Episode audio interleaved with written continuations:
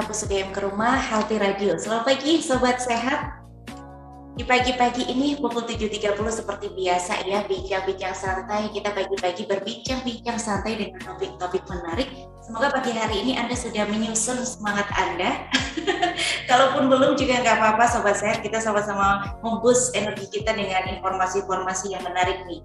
Dan pagi hari ini Sobat Sehat, uh, tentu ya di masa pandemi ini kita berupaya untuk menjaga tubuh kita agar tidak terkena virus COVID nih mulai dari menjaga 5M, aware terhadap gizi seimbang yang ada dalam tubuh kita dan juga mengonsumsi vitamin-vitamin yang uh, dapat menunjang tubuh kita biar tidak terkena virus COVID-19 terutama nih yang sudah ludes di apotek-apotek adalah vitamin C dan juga vitamin D. Nah, kira-kira aman nggak sih sobat sehat? Nah, kita akan ulas bersama dengan topik mengonsumsi vitamin saat pandemi, baik atau buruk, bersama dengan pembicara kami Dr. Lutfa, Lukman Adi Chandra, Master of Medicine, Master of Philosophy dari Departemen Farmakologi FKKMK UGM dan akan dimoderatori oleh Dr. Mia Munawaroh Yunianti dari Departemen Farmakologi FKKMK UGM. Dan kami juga mengundang Anda untuk nanti kalau mau bertanya silakan ditulis saja di kolom chat. Baik, langsung saja Sobat Sehat kepada Dr. Mia, kami persilahkan. Oke, Assalamualaikum warahmatullahi wabarakatuh. Selamat pagi Sobat Sehat semua. Uh, perkenalkan saya Mia, kali ini saya akan memandu bincang-bincang santai kita. Tadi sudah diperkenalkan juga oleh Mbak Galuh, beliau ini adalah dosen dari Departemen Farmakologi Nah, selama satu jam ke depan kita akan ngobrol-ngobrol santai ya, membahas tentang mengkonsumsi vitamin saat pandemi, baik atau buruk atau uh, gimana nih untuk kesehatan kita. Nah, di masa pandemi ini sudah dipaparkan uh, terlebih dahulu tadi ya sama Mbak Galuh. Vitamin ini menjadi salah satu barang yang sering dibeli ya oleh masyarakat. Bahkan saat awal-awal pandemi dulu atau saat khusus COVID naik lagi di bulan Juni kemarin, vitamin terkadang sulit dicari di apotek-apotek. Nah, sebenarnya baik atau tidak sih mengkonsumsi vitamin saat masa pandemi saat ini? Sebagian seperti apa anjurannya dalam mengkonsumsi vitamin itu? Mari kita bahas lebih lanjut bersama Dr. Lukman pada pagi hari ini. Oke, mungkin langsung aja ya Mas Lukman ya. Sebelum membahas lebih lanjut, mungkin kita perlu tahu dulu nih Dokter Lukman, sebenarnya vitamin itu apa sih? Apa saja yang termasuk vitamin itu dan mungkin apa aja fungsi dari vitamin bagi tubuh kita? Monggo Dokter Lukman. Baik, terima kasih sekali Dokter Mia. Ini kalau ketemu Dokter Mia bawaannya mau gosip aja. Ya, tapi kali ini kita gosipnya yang lumayan harus mikir Oke, baik. Terima kasih. Assalamualaikum warahmatullahi wabarakatuh. Pada Mbak Galo dan Raisa Radio, ya. Ini namanya eye catching ya. Jadi pesannya tuh merdu gitu ya. Oke, kita topik kita hari ini vitamin ya, Dokter Mia ya. Baik, tadi pertanyaan pertama, sebenarnya vitamin itu apa? Ya, mungkin fungsinya ya, fungsinya apa? Atau bisa ngehits ya ini paling hits mungkin kalau trending topik itu vitamin itu saat ini udah agak turun ya tapi pada sekitar dua bulan lalu sampai dengan mungkin beberapa hari atau mungkin akan ke depan akan terus trending. Nah vitamin itu sebenarnya termasuk nutrien dokter Mia atau nutrisi ya yang kita butuhkan. Kita mengenal ada karbohidrat, ada protein, lemak ya dan juga vitamin beserta mineral. Nah vitamin ini dan mineral ini masuk dalam mikronutrien atau dibutuhkan sangat dibutuhkan oleh tubuh dalam uh, porsi yang lebih kecil. Nah, karena itu namanya mikronutrien. Meskipun mikro, mikronutrien dia punya sifat esensial atau tubuh tidak bisa menghasilkan, maka harus kita dapat dari luar. Nah, dari mana saja? ya dari mana nanti kita bahas sedikit ya. Tapi tadi pertanyaan adalah fungsi. Oke, kita mengenal ada vitamin A, B, C, D, E sama K. Ya, yang mana vitamin A itu erat kaitannya dengan mata, vitamin B metabolisme ya, makanya ada penyakit beri-beri karena gangguan pada metabolisme protein. Kemudian vitamin C lah ini mbak-mbak ya ibu-ibu suka sekali vitamin C karena kaitannya dengan jaringan ikat atau pembentuk dari eh, lapisan luar ya. Sebagian besar yaitu kulit ya atau mukosa mulut. Makanya kita sering kalau kurang vitamin C itu uh, sariawan atau terbalik. Kita tahu dulu sariawan baru tahu oh ternyata kurang vitamin C. Nah gitu. Jadi kadang-kadang diagnosis kekurangan vitamin itu setelah penyakitnya keluar baru kita tahu ya. Karena deteksinya kita tidak gampang. Terus vitamin D. Nah ini ini yang ngehits. Nanti kita bahas banyak nih vitamin D kaitannya dengan COVID. Nah kalau vitamin D ini dia lebih ke arah e, muskuloskeletal atau sistem otot dan sistem tulang ya karena dia ikut membantu dalam penyerapan dari kalsium. Kita tahu kalau kalsium itu adalah e, bahan utama ya kayak, kayak semennya lah kalau bangun rumah itu semennya dari si e, apa tulang itu. Kemudian ada vitamin E ini juga sangat bagus kaitannya dengan imunitas ya karena dia punya sifat antioksidan. Ini juga nanti kalau kaitannya dengan uh, apa tadi uh, COVID nanti juga ada hubungannya. Yang terakhir ada vitamin K ya, vitamin K lebih ke arah pembekuan darah. Nah, vitamin ini pada dasarnya kebutuhannya kecil. Nah, itu yang perlu kita garis bawahi ya.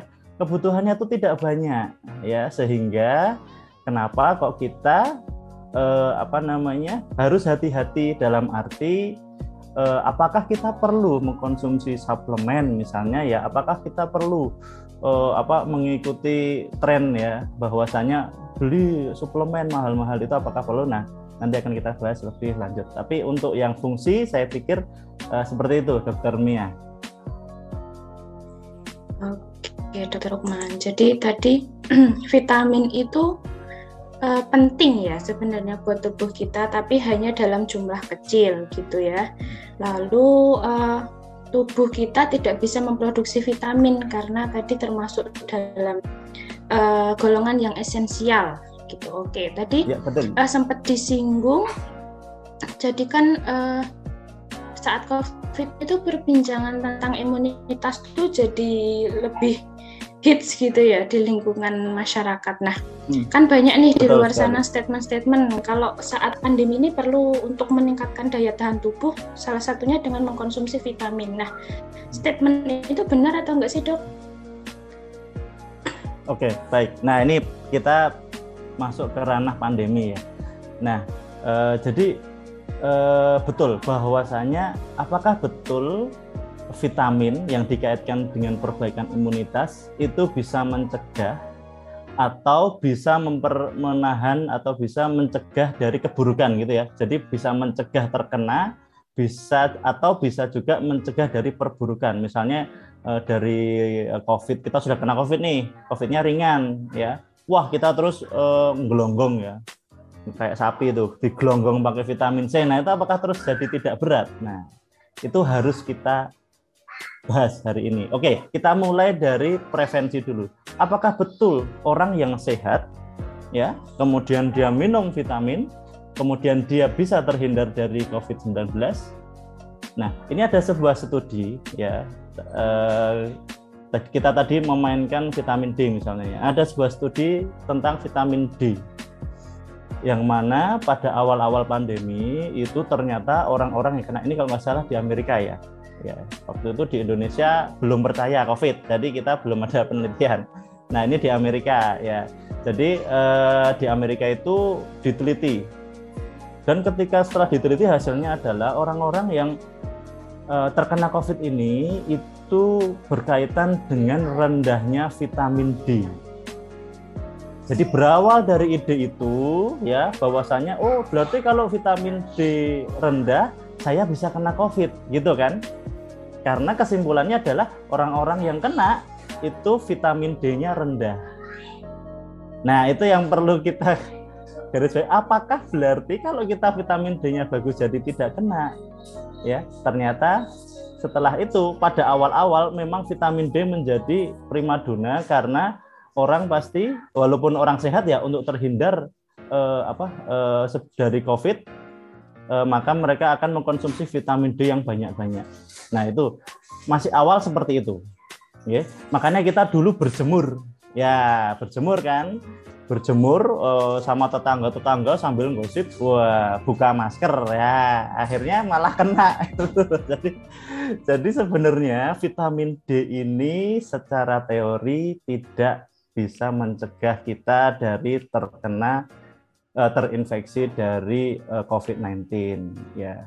Vitamin D sumbernya memang berjemur betul ya terutama kalau agak panas ya kalau karena UVB sebenarnya yang membuat kita bisa mendapatkan apa namanya polikalsiferol ya atau vitamin D3 yang bisa membuat kita itu asupan untuk vitamin D-nya itu cukup itu betul. Nah, terutama yang agak siangan ya. Kalau pagi-pagi masih subuh itu wah itu UVA lebih banyak jadi anu apa namanya? Uh, kurang bagus. Nah, namun yang dilupakan adalah ada prevensi yang jelas yaitu masker, jaga jarak ya, uh, tidak apa itu istilahnya kumpul-kumpul ya itu yang jelas bahwa itu terbukti bisa mencegah justru malah uh, terlupakan saat itu. Nah hal ini baru saja terbukti belum lama bahwasannya vitamin D ini kemudian digunakan ya digunakan dalam uji coba yang klinis ya. Jadi kalau dulu kita hanya melihat oh ternyata kader eh, orang-orang yang sakit ini yang COVID ini kok karena uh, di vitamin D-nya rendah. Nah, tapi kita nggak tahu apakah ini memang pada saat itu kebetulan rendah karena misalnya musim winter ya, misalnya di sana lagi winter atau pada posisi orang-orang yang sakit itu kebetulan orang sepuh ya yang jarang keluar. Kalau kita kan gosong-gosong semua, jadi otomatis sebenarnya kalau kita kadar vitamin D-nya tinggi ya.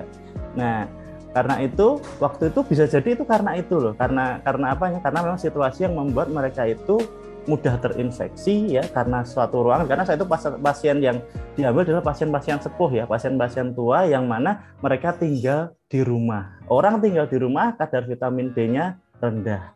Karena sumber utama malah dari matahari gitu ya. Kalau dari makanan itu vitamin D2 ya yang mana tidak lebih poten dari D3 oke kita kembali. Begitu diteliti ya vitamin D di uji coba ke, ke depan ya. Kalau ini kalau kemarin itu adalah kita hanya observasi kita sekarang uji eksperimen.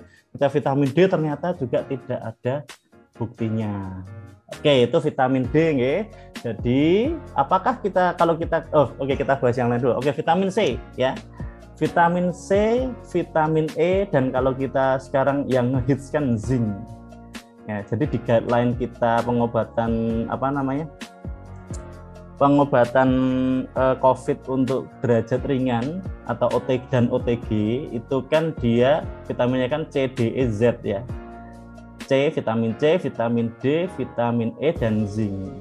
Nah, apakah ada dasar uh, hukumnya atau mungkin uh, apa mazhabnya itu dari mana? Nah, itu ada memang penelitian yang mengatakan bahwa vitamin C ya, vitamin E dan ditambah dengan zinc itu bisa mengurangi atau bisa mungkin memperingan gejala penyakit eh, apa eh, infeksi paru bagian atas.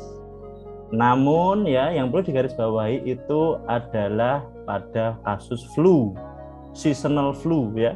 Jadi di sana itu memang dikonsumsi pada saat musim-musim di mana flu itu tinggi Ya, jadi memang betul kalau itu terbukti ya, terbukti betul bahwasanya memang eh, si vitamin C, vitamin E dan zinc ya itu bisa dan D juga ya itu juga bisa eh, mencegah eh, apa infeksi virus eh, pernafasan atas.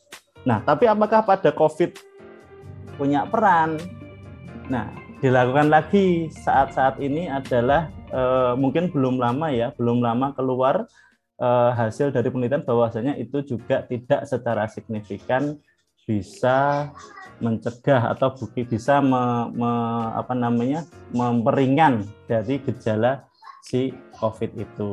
Nah, jadi kalau kita kembali, apakah kita betul-betul perlu pada masa pandemi ini mengkonsumsi uh, COVID? Ya, mengkonsumsi COVID lagi, mengkonsumsi vitamin pada masa pandemi? maka kita harus berpedoman pada satu kebutuhan.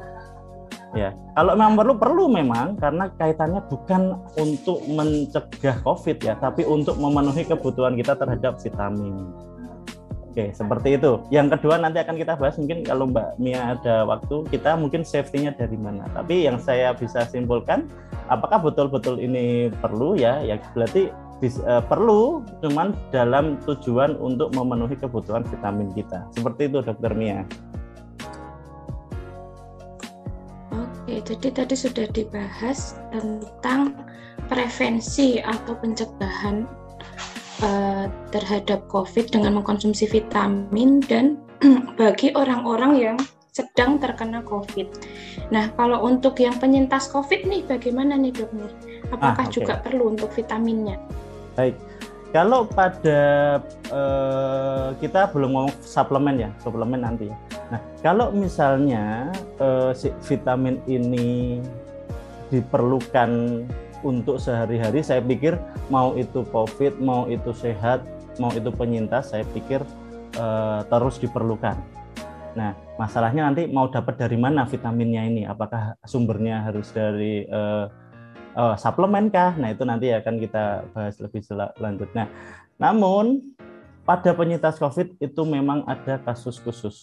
Ya, penyintas COVID itu adalah orang yang mengalami, terutama yang mencapai fase sedang berat kritis ya, itu biasanya ada sequel atau gejala sisa. Ya, jadi kalau paru eh, virus sudah terlanjur masuk paru, yang menyebabkan kolaps walaupun jumlahnya mungkin tidak banyak, maka kolapsnya ini untuk bisa sembuh biasanya sulit karena terjadi namanya pembentukan jaringan fibrosis ya atau kerusakan yang e, sifatnya tidak bisa diperbaiki. Nah, karena itu orang-orang yang penyintas ini biasanya harus menjalani apa yang dinamakan rehabilitasi. Dan saya salah satu yang setuju apabila rehabilitasi itu masuk dalam rehabilitasi gizi. Nah, rehabilitasi gizi ini Bagaimana? Ya berarti dia harus punya program, ya program yang mana itu bisa mendukung penyembuhan sel-sel yang kira-kira masih bisa meningkatkan fungsi tubuhnya. Jadi kalau memang mungkin ditanya apakah penyintas COVID perlu, saya pikir penyintas COVID membutuhkan perhatian lebih khusus kaitannya dengan asupan vitamin dan mineral. Minimal ya minimal memastikan bahwa vitamin dan mineral itu terpenuhi karena kita ini di Indonesia ya itu kita sangat tidak aware terhadap uh, kebutuhan uh, vitamin dan mineral ini. Nah, jadi kadang-kadang kita uh, apa namanya kira-kira gitu loh, kira-kira. Tadi saya cerita di dalam kita baru kena karyawan baru tahu oh ternyata kurang vitamin C. Jadi kita jarang sekali merencanakan bahwasanya makan itu harus eh, apa misalnya buahnya seberapa ya eh, sayur hijaunya seberapa kemudian eh, misalnya daging itu misalnya daging itu yang sebelah mana yang sukanya yang koyor-koyor kayak saya gini ya berat itu. Nah atau ha harus ada asupan hati ya. Hati itu vitamin eh, B-nya tinggi. Kemudian ada juga misalnya main keluar ya. Sekarang zamannya takut ke mana-mana dekem di dalam. Nah, akhirnya kita tidak merencanakan itu. Kita tahu bahwa uh, asupan atau namanya uh, tubuh kita itu kekurangan vitamin setelah kita sakit. Nah, karena itu saya pikir ya minimal untuk penyintas karena dia membutuhkan uh, apa ya semacam bahan uh, yang lebih banyak untuk kembali ke fase normal, maka menurut saya itu perlu untuk direncanakan minimal untuk memenuhi. Memenuhinya nah itu tadi nanti apakah akan lewat suplemen atau hanya cukup lewat eh, apa buah-buahan nanti bisa kita diskusikan. Oke, gitu Dokter Mia. Oke, tadi sudah disinggung sedikit sumber-sumber dari vitamin itu apa saja? Apakah cukup hanya dari multivitamin yang bisa kita beli di apotek? Atau mungkin sumber-sumber lain dari makanan apa saja itu ya dok ya? Yang bisa dikonsumsi? Oke, Baik, nah, ini kalau misalnya ada ahli gizi mungkin bisa membantu saya lebih banyak ya, karena saya uh, ahli uh, kelebihan gizi kalau saya itu, jadi bukan gizi seimbang, gizi berlebih. Nah, jadi kalau gizi apa namanya uh, vitamin itu sumbernya utama ya, utama itu adalah dari buah dan sayur, itu utama, ya. Oke, kalau kita pecah satu-satu misalnya vitamin A, ya vitamin A adalah semua zat orange, ya mau itu pepaya, mau itu apa eh, vitamin A beta karoten ya, jadi dia eh, ada di wortel, ya tomat dan lain-lain. Jadi yang zat eh, berwarna orange. Vitamin B itu beragam, ya, tapi sebagian besar sayur dan buah ditambah daging, ya. Itu banyak sekali vitamin B. Karena B ada sampai 12 ya, dan itu masing-masing punya uh, apa namanya uh, punya preferensi ada di mana itu berbeda-beda yang perlu diingat adalah mereka-mereka ini sedikit kebutuhannya sedikit gitu loh. Jadi kita tidak perlu ambisius juga ya. Makan wortel uh, sepilo gitu ya, tidak perlu juga ya. Ya oke. Okay. Terus ya, vitamin C ini buah yang sifatnya asidik itu banyak. Walaupun saya kalau saya sarankan carilah yang non asidik terutama bagi orang-orang yang punya gangguan lambung ya, yang asidik itu bersifat asam. Vitamin D tadi sudah diceritakan cukup dengan sering berjemur. Ya, jadi keluar kena matahari itu saya pikir sudah cukup poten untuk mendapatkan D3. Vitamin E itu lebih banyak di uh, ikan ya, ikan minyak ikan ya dan produk-produk uh, susu juga. Nah, produk susu sebenarnya punya hampir semua vitamin ada di produk susu. Vitamin K juga pada sayur hijau seperti bayam dan lain-lain. Nah, artinya sebenarnya sumber di sekitarnya itu banyak ya. Di satu sisi kebutuhan kita itu sedikit. Nah, jadi sebenarnya kalau kita bisa mengatur itu, bisa mengkonsumsi eh, apa namanya eh, dengan kadar yang eh, seimbang dalam arti misalnya vitamin A itu cuma butuh satu miligram kok. Satu miligram itu kan kecil ya. Vitamin B itu bahkan mikro kebutuhannya, mikrogram ya vitamin C ya kalau kita tahu si apa tuh nanti sebut merek ya. Misalnya 1000 mg ya, kemarin soalnya heboh juga itu.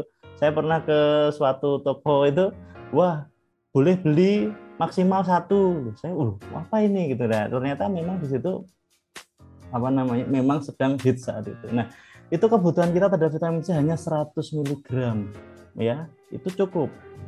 Ya tapi kadang-kadang kita kurang dari itu ya ya karena mungkin buah-buahan itu satu mungkin cara makannya juga kurang betul atau yang kedua memang kita jarang suka buah ya. Makanya ada dulu ada uh, one apa itu? Ada istilah itu one apple a day keeps the doctor away ya. Jadi uh, satu apel setiap hari maka dokter akan lari gitu. Soalnya dilempar pakai apelnya itu loh. Nah, jadi kayak gitu. Nggak karena vitamin C ini apel ini mengandung banyak vitamin C. Nah, itu contohnya ya. Contohnya sebenarnya kita sendiri punya banyak sumber vitamin C. Vitamin E itu juga dari uh, kebutuhannya juga hanya 400 mikro atau atau 400 IU ya. IU berarti mungkin sekitar 1,5 miligram ya. Jadi artinya kebutuhan itu sangat kecil. Nah, itu kalau sumber-sumbernya dan ingat bahwa ya ada beberapa vitamin yang disimpan ya, tidak dihasilkan. Tadi kan kita cerita bahwa ini semua enggak kita hasilkan. Beda dengan protein ya, protein kita tubuh kita menghasilkan protein ya, membentuk. Tapi kalau vitamin itu tidak bisa kita apa e, munculkan di tubuh kita tapi bisa disimpan. Apa saja yang bisa disimpan itu yang larut ke dalam lemak yaitu vitamin A, vitamin D, vitamin E, dan vitamin K. Jadi kalau vitamin B dan C itu dia larut air sehingga ketika masuk dalam tubuh maka cenderungannya akan dibuang. Karena itu kalau kita minum uh, vitamin C ya misalnya uh, suplemen maka kencing kita cenderung kuning ya. Nah, karena itu kalau vitamin B dan C itu asupannya bisa dikatakan lebih baik setiap hari rutin. Tapi kalau vitamin A, D, E, K itu tubuh kita bisa menyimpan. Nah, apalagi yang banyak lemaknya. Seperti saya ini nah nanti saya kandungan vitaminnya kaya raya. Jadi saya sendiri sebenarnya e, modelnya tuh e, nyetok dulu. Wah punya buah banyak saya stok dulu. Karena saya punya gudang banyak gitu loh. Itu misalnya ya misalnya. Jadi e, vitamin itu kita tidak usah terlalu ambisius ya. Tapi kita tetap harus bisa memberikan itu terutama vitamin B dan C itu kalau bisa setiap saat. Oke, begitu Dokter Mia. Oke, menarik sekali. Tadi setelah kita bahas tentang vitamin B, vitamin C, vitamin D, vitamin E, dan vitamin K, vitamin A juga. Nah, tadi sempat disinggung juga sama Dokter Lukman nih uh, tentang suplemen zinc. Nah, suplemen zinc ini bagaimana sih uh, bukti-bukti ilmiahnya apakah uh, memang diperlukan untuk mungkin untuk uh, mencegah atau mungkin untuk mengobati COVID ini apakah perlu atau tidak? Apakah ada buktinya? Bagaimana dok uh, Mas Sulman? Oke, terima kasih Dokter Mia. Baik, ini kita langsung uh, masuk saja ke ini ya pembahasan mengenai suplemen ya, suplemen ya. Kita tahu suplemen itu adalah tambahan suplemen itu kata apa bahasa arti harfiahnya adalah tambahan. Artinya sebenarnya itu adalah berupa hal yang di luar pokok ya. Kita membutuhkan suplemen nah tadi eh, bahas sedikit ya mengenai zinc ya. Zinc itu masuk ke dalam golongan mineral ya. Walaupun vitamin dan mineral itu nggak bisa lepas karena fungsinya saling mendukung ya mereka itu seperti tim ya vitamin dan mineral. Cuman karena mungkin kalau secara biokimia atau secara ilmu gizi itu beda komponen atau apa akhirnya penggolongannya berbeda. Nah zinc ya itu bersamaan dengan vitamin C dan E ya serta mungkin kalau ditambah satu mineral lain namanya selenium itu punya peran di imun sistem memang. Ya tadi saya lupa sedikit membahas. Jadi eh, vitamin-vitamin mineral ini dia punya efek baik pada peningkatan imun sistem. Yang mana dulu dibuktikan dengan uh, apa digunakannya ya vitamin-vitamin ini untuk mengobati tadi seasonal flu tadi ya, flu flu musiman. Nah, kalau kita nggak ada flu musiman, soalnya kita adanya full season flu, ya, dan flu-nya ada terus. Nah, kalau di winter ya di negeri empat musim itu ada flu biasanya pada saat gugur ya. Nah, jadi memang terbukti benar Mbak bahwasanya term, suplemen vitamin termasuk zinc itu punya peran dalam mencegah atau mungkin memperbaiki yang namanya uh, penyakit uh, infeksi uh, pernafasan akut. Namun konteksnya adalah flu ya dan juga mungkin virus-virus yang lain. Bagaimana dengan COVID itu belum terbukti. Jadi meskipun kita banyak mengkonsumsi suplemen mulai dari C, D, E, Z tambah selenium itu tidak ada jaminan bahwa kita bisa terhindar dari apa namanya eh, apa eh, COVID-19 itu tadi. Nah, kita sudah sedikit bahas suplemen ya sekalian saja. Jadi suplemen itu kalau saya pribadi ya, kalau saya pribadi eh, awalilah dengan eh, apa mengkonsumsi sumber yang alami dulu ya karena bagaimanapun suplemen itu kan sintetis ya artinya e, kimia. Nah, kalau kita bisa memenuhi dari unsur-unsur yang alami, maka lebih baik itu dipenuhi. Tapi kalau tidak, memang suplemen bisa digunakan. Seperti itu. Kenapa? Karena bagaimanapun sumber alami itu lebih e, apa namanya absorpsinya lebih bagus, ya ekskresinya lebih mudah. Artinya metabolismenya itu lebih e, lebih aman dibandingkan dengan Eh, kita mengkonsumsi uh, suplemen atau obat-obatan yang sifatnya itu kimia. Terlebih lagi ya uh, kita misalnya beli multivitamin ya. Nah kalau kita bandingkan dengan obat, misalnya kita beli paracetamol. Nah kalau multivitamin itu kan bisa digantikan ya, bisa digantikan oleh uh, sumber alami ya. Misalnya kita vitamin C sudah kita gantikan dengan se, apa, sebutir jeruk setiap hari, setiap pagi misalnya atau siang kalau jeruk kan kecut ya berarti mungkin baiknya adalah setelah makan. Nah, vitamin A misalnya bisa kita gantikan dengan uh, apa namanya uh, wortel mungkin dua potong misalnya atau vitamin D bisa dengan memperbanyak aktivitas di luar ya, terutama pada jam-jam yang sekitar 9, 9 10 yang UVB-nya mulai muncul. Nah, ketika kita bisa menggantikan seperti itu, kenapa kita harus uh, mengambil obat gitu loh? Tapi kalau misalnya paracetamol kan tidak ada gantinya. Jadi mau tidak mau kita harus mengambil obat. Jadi kita ada pilihan ya untuk kaitannya dengan suplemen ini kita punya pilihan untuk tidak mengambil. Apalagi zaman sekarang mahal ya mahal mahal kalau ada nggak apa-apa mahal nggak ada dan sudah malah stres nyari kan jadi kita terlalu waduh ini nggak vitamin nanti saya misalnya saya, saya positif ya OTG atau gejala rin wah nanti kalau saya nggak minum multivitamin nanti saya bisa memburuk ya gitu enggak ya jadi betul bahwa kita sebaiknya memenuhi ketika kita sakit ya kita penuhi ya kita penuhi vitamin supaya harapannya adalah eh, apa namanya kita punya apa namanya ya semacam senjata yang lebih lengkap. Nah, gampang itu aja. Walaupun belum tentu kita akan terhindar dari uh, COVID yang lebih berat ya dengan kita mengkonsumsi vitamin ya. Tapi paling tidak kita punya kondisi yang utuh ya. Karena dengan adanya defisiensi nutrien, salah satunya vitamin dan mineral itu membuat tubuh kita lebih rentan. Seperti itu, Mbak Mia.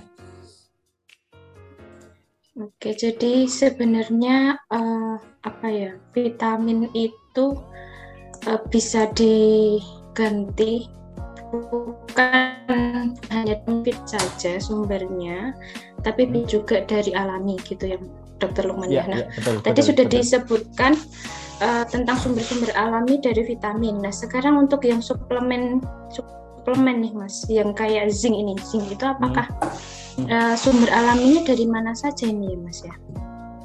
Oke ya, kalau zinc biasanya produk susu, ya produk susu ya itu keju, ya kemudian ya susu sendiri, ya ada beberapa di coklat juga. Jadi eh, produk-produk hewan ya, ya daging pun ada itu juga bisa memberikan sumber dari zinc. Sekali lagi kebutuhannya kecil, ya. Jadi sebenarnya tidak perlu kita eh, apa namanya uh, membabi buta ya istilahnya harus harus saya harus makan berapa banyak itu tidak jadi itu hanya hanya kita sisihkan atau dalam arti kita masukkan dalam porsi makanan kita. Seperti itu. Itu termnya. Kalau untuk zinc ya seperti itu. Oke, kita tadi sudah banyak membahas tentang efektivitas dari uh, vitamin dan suplemen seperti zinc gitu ya Mas ya sudah dibahas bagaimana bukti-bukti uh, ilmiahnya. Nah, sekarang kita bahas tentang keamanannya nih Mas ya. Uh, bagaimana sih sebenarnya kalau mengkonsumsi berlebihan dari uh, vitamin ini kan karena gara-gara COVID ini pada panik buying terus makan hmm. semuanya dimakan. Nah, ini ada efeknya nggak sih kalau uh, dikonsumsi secara berlebihan? Oke, berarti ini kaitannya dengan suplemen ya. Oke, berarti uh, efek nomor satu yaitu efek pada finansial biasanya. Nah, finansial ini penting. Soalnya harganya dua kali lipat setahu saya ya, harga dari vitamin yang eh, tujuh ribu misalnya 10 tablet uh, 10 kaplet itu jadi 15.000 bahkan ada yang sampai puluhan ribu. Nah, artinya e, hal ini justru membuat kita itu jadi e, semakin stres ya istilahnya, semakin secara secara jiwa kita tuh malah semakin bingung ini saya butuh vitamin udah nyarinya susah harganya mahal. Nah, jadi efek finansial dan efek psikis itu, itu salah satu efek yang bisa kita pikir. Oke itu uh, Gojek ya Gojek. Oke itu benar ya benar tapi itu nggak ilmiah. Oke yang ilmiah bagaimana? Itu kita lihat satu-satu ya. Vitamin B dan C yang larut dalam air ya itu biasanya jarang sekali menimbulkan efek buruk ya. Vitamin B dan C. Jadi kalau kita minum 1000 mg maka sebagian besar akan dibuang. Ya mungkin efek buruknya adalah mubadir itu aja.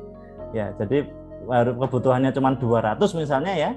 Nah, kita memberinya adalah 1000 apalagi uh, sehari tiga kali tiga ribu. Wah jadi susuknya banyak susuk. Kembaliannya tuh banyak. Nah itu mungkin tidak akan jarang sekali menimbulkan efek buruk. Tapi kalau ekstrim sekali itu ada. Ya ini kita ngomong B dan C dulu ya. Saya kasih contoh vitamin C. Vitamin C itu efek akutnya ketika kita berlebihan adalah pada iritasi lambung, terutama yang asidik. Ya, makanya orang-orang yang kebanyakan minum atau makan buah sekilo sekali gitu, setelah itu pasti akan muncul penolakan dari eh, apa namanya lambung ya. Atau kita sering menyebutnya gastric upset ya. Jadi eh, si lambungnya eh, apa namanya mengalami iritasi sehingga dia akan ada eh, responnya adalah biasanya muntah dan diare. Nah jadi kalau sudah mulai kebanyakan biasanya muntah dan diare untuk vitamin C. Itu kalau efek jangka pendek. Ketika ini diteruskan maka ada risiko. Ini risiko ya bukan kok pasti ya ada risiko penumpukan di ginjal ya menimbulkan namanya batu ginjal ya dengan jenis kalsium oksalat. Nah, ini kalau penggunaannya jangka panjang kita misalnya seorang bekerja uh, full time ya, misalnya driver ya, sopir. Nah, sopir kalau sekarang banyak istirahat, tapi kalau dulu kan banyak proyek. Nah, waktu banyak proyek ini dia rutin mengkonsumsi itu ya tanpa disadari itu akan menumpuk. Nah, tumpuan inilah yang nanti menjadi namanya batu ginjal itu untuk vitamin C. Vitamin B lebih jarang. Ya, vitamin B sangat jarang menimbulkan uh, overdose. Nah, kita lanjut ke vitamin yang lemak. Nah, yang lemak ini biasanya lebih punya peluang untuk terjadi eksesif atau uh, terjadi over uh, intake karena dia sedikit yang dibuang. Jadi ketika kita memasukkan 1000 ya, mungkin kebutuhan misalnya vitamin vitamin D kebutuhannya 1000 ya, kita makan sehari itu 5000. Nah, mungkin sisa 4, 1000 dipakai ya, 4000 itu eh, apa namanya eh, 2000 itu di apa disimpan 2000 dibuang ya yang 2000 disimpan ini kalau terus menumpuk maka bisa menimbulkan efek buruk walaupun jarang ya jadi ada risiko saja. Risikonya sama seperti eh, ini yaitu ada kaitannya dengan ginjal. Seperti itu. Ini ini vitamin D. Nah, jadi eh, kita itu Eh, kondisi apalagi saat ini itu juga harus memperhatikan apa yang dinamakan efek toksik pada suplemen. Nah, kalaupun meminum suplemen dibaca ya kira-kira saya kebutuhannya berapa? Nah, nanti uh, mungkin bisa dicari ya. Kalau uh, sehari itu vitamin A berapa vitamin B berapa vitamin C dan lain-lainnya itu berapa. Kemudian disesuaikan dengan suplemen ya. Karena saya melihat itu tiga kali satu. Minum suplemen tiga kali satu. Waduh nyarinya aja susah kadang-kadang saya kalau suplemen lebih suka sehari sekali tapi dengan catatan bahwa asupannya juga ada gitu loh. Jadi hanya sebagai uh, backup. Nah backup dari makanan kita yang kurang. Hal ini mungkin akan berbeda ketika kita situasinya adalah di rumah sakit. Nah beda kalau rumah sakit. Misalnya pada orang-orang yang COVID-19-nya uh, situasinya adalah kritis ya atau berat yang mana asupan makan susah. Akhirnya dia ketergantungan pada vitamin dan mineral. Nah kalau itu memang e, daripada nanti e, masa orang kritis megap-megap gitu kita kasih wah harus minum jus jeruk. Nah, kan tidak bisa. Akhirnya mau tidak mau itu harus dari injeksi. Nah kalau situasi seperti, itu memang uh, suplemen penggunaan suplemen baik itu dari oral maupun uh, dari tablet ya atau dari injeksi ya dari suntikan itu memang uh, diperlukan. Seperti itu. Artinya uh, apa yang kita berikan ya kita suntikkan itu untuk memenuhi kebutuhan ya bukan untuk bahwa orang ini kondisinya sudah cukup tapi kalau kita tambah. Nah itu yang menurut saya uh, tidak perlu. Jadi tidak perlu khawatir kalau nggak kebagian suplemen ya karena banyak bisa digantikan oleh sumber lain. Bahkan kalau saya pribadi saya lebih suka ketika menyarankan eh, apabila eh, bisa terpenuhi ya dari makan sehari saya pikir saya lebih menyarankan untuk eh, memperbanyak buah dan sayur sebagai contoh. Oke. Itu, Dok. Hmm, tadi sudah dibahas tentang uh, keamanannya ya dok Lukman ya. Nah ini ada pertanyaan nih dari Sobat Sehat Raisa. Akhir-akhir uh, ini banyak yang berburu susu kaleng beruang Apakah itu memang spesial atau bisa saja kita mengkonsumsi beragam macam susu? Nah, gimana nih dok tanggapannya? Baik, uh, fenomena susu beruang ini memang dari dulu uh, susu beruang ini sudah terkenal ya uh, bahwasanya itu full apa namanya apa istilahnya full uh, vitamin dan mineral. Dan saya setuju untuk hal ini saya setuju bahwasanya susu beruang ini memang ada efek ke imunitas karena dia vitamin mulai dari selenium, zinc, magnesium semuanya ada di situ. Ya, semuanya ada. Jadi tinggal sekali sekali teguk dua tiga pulau terlampaui. Jadi saya pikir itu sangat benar ketika kita kaitkan bahwa eh, susu beruang ini punya efek ke imunitas. Nah, tapi kita kembali lagi kembali lagi bahwasanya seberapa banyak kita butuh jadi kaitannya dengan suplemen itu yang diperhatikan adalah seberapa efektifkah ini untuk mencegah atau mencegah COVID ya, atau untuk membuat kita cepat sembuh ya. Yang kedua adalah seberapa banyak kita butuh. Nah, sekarang kita lihat mulai dari misalnya gini, saya mau stok susu beruang, saya minum sehari tiga Nah, terus karena saya sudah sehari tiga, saya merasa, wah, ini saya sudah sehat. Nah, kemudian saya keliling ke mana-mana bebas gitu, karena saya sudah minum susu beruang tiga kali satu kan, geleleng gitu loh, sudah geleleng lah. Nah, Tapi apakah itu protektif terhadap ini sama sekali tidak? Ya, sama sekali tidak. Jadi hati-hati bahwasanya kita jangan terlalu percaya diri dengan kebanyakan suplemen. Yang kedua, suplemen itu kita minum tiga kali satu bisa jadi yang akan diserap oleh tubuh hanya satu botol. Jadi dua yang lain itu mubadir. Tadi saya ceritakan kalau B dan C itu dibuang langsung. Kalau yang lainnya disimpan. Disimpan makanya kapan tidak tahu. Nah, atau banyak juga mineral yang akhirnya juga hanya akan dibuang. Jadi saya pikir panic buying ini memang perlu diluruskan bahwasannya oke okay, betul bahwa itu akan meningkatkan imunitas saya setuju. Nah, tapi panic buyingnya yang tidak perlu. Seperti itu, Dok.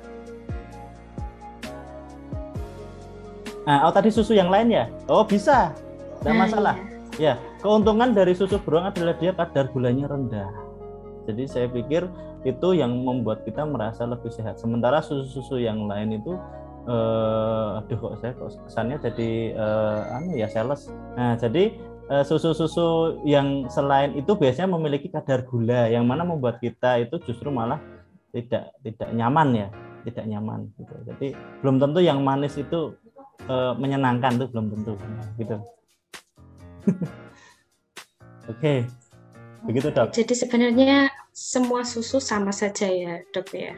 Jadi kandungannya dilihat. Ya kalau susu beruang memang keuntungannya memang dia rendah gula. Yang kedua adalah kandungan mineralnya sangat banyak. Oke, seperti itu. Berarti tergantung dari uh, kandungan yang dicantumkan di kemasan dari tiap susu. Harus uh, memenuhi beberapa tadi vitamin yang sudah disebutkan uh, Dokter Longmat nanti. Oke, jadi uh, sekarang gimana nih dok tips-tips uh, memilih vitamin atau tips-tips memenuhi kebutuhan vitamin dan suplemen yang benar di masa pandemi COVID ini seperti apa? Oke, baik, terima kasih. Kita kembali ke prinsip awal bahwasanya vitamin itu sangat penting, namun kebutuhannya tidak banyak. Itu yang harus dipegang oleh uh, apa uh, masyarakat ya, oleh para pendengar semua. Pertama, kalau tips saya itu adalah buatlah semacam list, list uh, makanan yang mengandung vitamin apa. Kita aja vitamin A, B, C, D, E, K ya itu silahkan di list kira-kira vitamin A itu apa vitamin B itu ada di mana sumbernya ya dalam hal ini sumbernya nah kemudian eh, setelah itu coba dianalisis kira-kira kita keseharian itu kurangnya apa. Seperti itu. Kalau misalnya kita sudah terbiasa eh, apa namanya eh, jeruk ya maka jeruk itu ada apa saja ya. Kita kan sudah tahu oh ada ini ini oh berarti untuk vitamin C saya cukup. Ya untuk vitamin E saya cukup. Nah seperti itu. Buatlah semacam list sumber itu yang pertama. Yang kedua analisis kebutuhan masing-masing nah yang kurang di negara kita atau di kebiasaan kita adalah mengukur kebutuhan vitamin kita. Nah itu sebenarnya semacam survei gizi. Ya survei gizi setiap orang. Jadi medical check up itu sebenarnya salah satunya mungkin ada survei gizi yang mana bukan hanya masalah kolesterol saja tapi juga vitamin dan mineral itu kalau memang bisa itu juga diukur. Tapi kalau tidak ya sudah manual saja. Intinya kita setiap hari punya asupan A, B, C, D, E gitu aja. Terutama B dan C karena itu kaitannya dengan tidak disimpan. Jadi asupan itu harus sering kita uh, berikan. Itu tips nomor satunya itu nomor duanya tadi apa namanya uh, memilih uh, ini. Nah tips nomor tiganya kalau memang ya kalau memang Eh, kita itu merasa tidak mampu memenuhi kan ada orang-orang nggak suka sayur misalnya ya ya sudah tetap harus dipenuhi dengan suplemen. Karena bagaimanapun itu esensial tadi. Basicnya adalah esensial bahwasanya tubuh tidak bisa memproduksi artinya kita harus mendapatkannya dari asupan makanan atau asupan tadi ya kalau vitamin D kan sinar matahari. Itu jadi suplemen boleh. Saya nggak anti suplemen tapi itu satu jangan eh, apa namanya eh, over ya. Jangan over. Yang kedua apabila itu, itu diminum apabila kita betul-betul tidak bisa memenuhi dari sumber alam. Yang ketiga ya itu tadi ya jangan malah kita tuh terlalu stres memikirkan nyari suplemen sampai 15 apotek didatangi nggak ada semua. Nah Nah, akhirnya malah kita jadi pusing. Nah, daripada memikirkan itu lebih baik kita oh kita list saja kira-kira kebutuhan. Oh sedikit kok itu loh. Jadi prinsip kita adalah kebutuhannya tidak banyak itu saja. Nah uh, mungkin ini yang terakhir kali ya. Oke, apakah dengan mengkonsumsi vitamin ini sudah cukup untuk menjaga imunitas tubuh? Ini untuk mempertegas lagi nih dok. Oke, imunitas itu kan kita ada namanya uh, apa aduh nggak usah terlalu kita lihat. Berarti intinya adalah imunitas anti ada antibodi ya, ada apa namanya imunoglobulin dan lain-lain yang mana itu dibentuk oleh hampir uh, semua uh, apa komponen nutrien ya. Salah satunya adalah protein. Makanya kita tuh sering fokus pada karbohidrat, protein, lemak ya itu sebagai makronutrien tapi kita melupakan mikronutrien yang mana fungsi dari mereka itu oke okay, eh, misalnya kita lihat antibodi antibodi itu dibentuk utamanya adalah oleh asam amino ya. Artinya itu e, merupakan bagian dari protein. Betul. Tapi mereka bisa berfungsi maksimal ketika kita menggunakan e, apa memberikan vitamin C misalnya. Jadi atau selenium ya mineral selenium. Nah artinya ketika kita hanya terfokus pada vitamin saja atau pada protein saja saya pikir tidak maksimal. Seperti itu hanya saja karena vitamin itu bukan makanan pokok kita dalam dalam istilah sehari-hari maka itu justru malah sering terlupakan. Ya makan ayam hampir setiap hari ya. Tapi makan buah uh, seminggu sekali itu pun kalau dapat kenduren nah akhirnya ya akhirnya tidak bisa kita eh, apa namanya maksimal hanya karena hal yang kecil. Jadi menurut saya tetap harus seimbang gitu dok. Oke, mungkin uh, saya resume terlebih dahulu tentang perbincangan kita pada pagi hari ini. Jadi fungsi dari vitamin di masa pandemi ini adalah untuk memenuhi kebutuhan tubuh ya dok ya, karena vitamin termasuk komponen esensial, bukan khusus untuk mencegah penyakit COVID-19. Nah, lalu dari sumber-sumbernya tidak harus dari multivitamin saja, bisa dipenuhi dulu dengan sumber-sumber alami seperti makanan eh, makan sayur atau buah gitu ya. Karena jika dikonsumsi berlebihan ternyata ada banyak juga efek sampingnya. Tadi sudah disebutkan oleh Dr. Lukman ada gangguan ginjal, gangguan pada lambung dan lain-lain. Oke, mungkin wah sudah tidak terasa ini ya sudah satu jam kita bincang-bincang santainya. Nah mungkin dari Dr. Lukman ada closing statement terlebih dahulu? Closing statementnya uh, apa ya? Oke okay, baik. Mungkin bagi teman-teman semua ya para pendengar ya uh, bahwasannya pandemi alhamdulillah sudah mulai turun ya. Tapi kalau situasi di rumah sakit masih mencekam. Artinya ini belum selesai ya. Jadi eh, kaitannya dengan suplemen atau mungkin nutrisi saya pikir uh, tidak perlu mengikuti tren panik buying ya kaitannya dengan multivitamin, susu beruang, susu kambing, wedus dan lain-lain tidak usah. Ya artinya biasa saja, hanya saja mungkin pesan saya adalah mulailah untuk menstabilkan atau menyeimbangkan gizi terutama kaitannya dengan buah dan sayur. Ya, kalau perlu dihitung betul-betul, kalau perlu di list dihitung, oh kira-kira oh ini butuh ini, butuh ini, butuh ini, butuh ini karena dengan memenuhi itu saja kita tidak perlu ketergantungan pada suplemen. Dan tadi sudah di highlight juga bahwasanya suplemen yang berlebihan itu kerugiannya kalau nggak mubadir ya. Yang kedua adalah ada efek samping jangka pendek maupun jangka panjang. Seperti itu Dokter Mia, terima kasih Baik. Terima kasih juga ada Dr. Lukman atas sharing ilmunya yang sangat bermanfaat ini. Untuk para pendengar, jangan lupa untuk tetap mematuhi protokol kesehatan di masa pandemi ini, tetap stay healthy. Semoga para sobat sehat sudah tercerahkan dan sudah lebih paham ya bagaimana sebaiknya mengkonsumsi vitamin di masa pandemi ini. Uh, terima kasih semuanya, terima kasih Dr. Lukman. Uh, waktu saya kembalikan ke Mbak Galuh. Baik, terima kasih banyak Dr. Mia dan juga terima kasih banyak atas ilmunya Dr. Lukman sangat menarik sekali dan sangat informatif ya sobat saya kita jadi lebih tahu nih bagaimana uh, porsinya saat kita membeli atau mengonsumsi vitamin itu dan ternyata kita perlu juga untuk mengoptimalkan yang alami dulu gitu ya dok ya yang alami dulu kita optimalkan baru kalau belum bisa baru kita uh, mengonsumsi suplemen yang kimia dan gak ada lagi nih sebetulnya sepertinya kita juga lebih mengoreksi diri agar tidak ikut-ikutan latah untuk membeli vitamin ataupun susu kaleng yang kemarin sempat menjadi tren ya di Indonesia. Baik, sobat sehat, demikian bincang-bincang santai di pagi hari ini. Saya haturkan terima kasih banyak untuk Dr. Lukman dan juga Dr. Mia. Sehat selalu Dr. Lukman. Salam untuk putra-putri di rumah ya, yang sepertinya lagi pada ramai ya. Terus sekali. Eh, terciduk ya ternyata. Sehat-sehat nih dok, sehat-sehat juga ya, untuk Dr. Mia. Salam keluarga di rumah ya. Ya, sehat-sehat juga. Baik, demikian uh, Sobat Sehat dan juga obrolan-obrolan tentang bincang santai masih bisa Anda nikmati di bincang-bincang santai, terutama di podcast nih, di podcastnya Raisa Radio di Spotify. Dan terima kasih banyak, sehat selalu untuk Anda Sobat Sehat, saya Nigalu beserta kru yang bertugas mohon pamit, mohon maaf apabila ada kesalahan kata. Wassalamualaikum warahmatullahi wabarakatuh.